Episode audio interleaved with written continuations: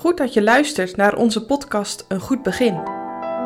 Deze zes weken staan we stil bij verschillende thema's rond christelijk leven. Vandaag met Laurens Kroon. Deze week wil ik samen met jou nadenken over de vraag wat de Bijbel zegt over jou en mijn mediagebruik. Dit keer is het thema Begrens jezelf. Ik lees Deuteronomium 22, vers 6 tot en met 12. Wanneer voor uw aangezicht een vogelnest op de weg voorkomt, in enige boom of op de aarde, met jongen of eieren, en de moeder zittende op de jongen of op de eieren, zo zult gij de moeder met de jongen niet nemen.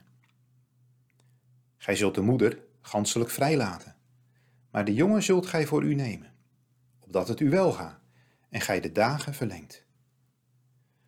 Wanneer gij een nieuw huis zult bouwen, zo zult gij op uw dak een leuning maken, opdat gij geen bloedschuld op uw huis legt, wanneer iemand vallende daarvan afviel. Gij zult uw wijngaard niet met tweeënlei bezaaien, opdat de volheid van het zaad dat gij gezaaid zult hebben, en de inkomst van de wijngaard niet ontheiligd worden. Gij zult niet ploegen met een os en met een ezel tegelijk. Gij zult geen kleed van gemengde stof aantrekken, wollen en linnen tegelijk. Snoeren zult gij maken, aan de vier hoeken van uw opperkleed, waarmee gij u bedekt. Zeg eens eerlijk, zit jij soms iets vaker op je telefoon dan je eigenlijk, let op dat woordje eigenlijk, wil toegeven? Check je ieder uur je telefoon of iedere 10 minuten? Of misschien nog wel vaker? Je mag natuurlijk gerust wat rustiger aandoen met je smartphone. Ik trouwens ook. Met een beetje schermtijd is niets mis. Maar rust voor je ogen is ook fijn. Op elke telefoon zit tegenwoordig wel een functie die je inzicht geeft in je schermtijd en nog veel meer. Die functie zit er niet voor niets op. Meestal is het dan de bedoeling dat je er ook gebruik van maakt.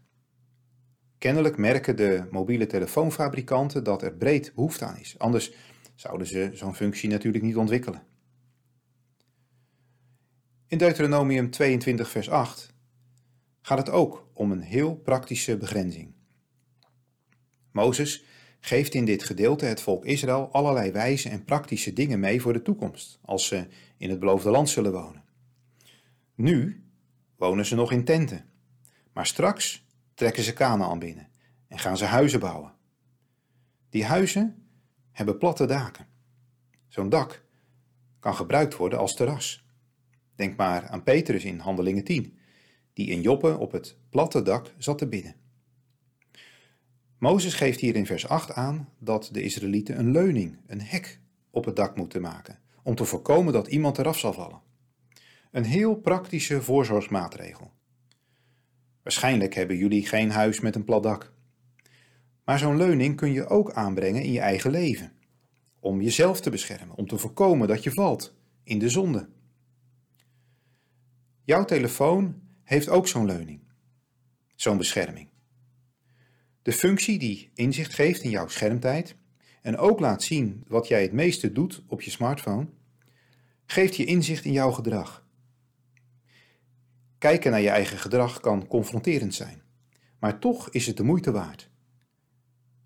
Je bent jong en je hebt nu de kans iets te doen aan gedrag waar je diep van binnen eigenlijk ook helemaal niet blij van wordt. Coaches en trainers zeggen dat gedragsverandering heel erg moeilijk is. En toch kan het. En met Gods hulp en genade kan het zeker. Als zelfs een vervolger van de kerk zoals Paulus een toegewijd apostel kan worden, dan kan God elk gedrag aanpakken.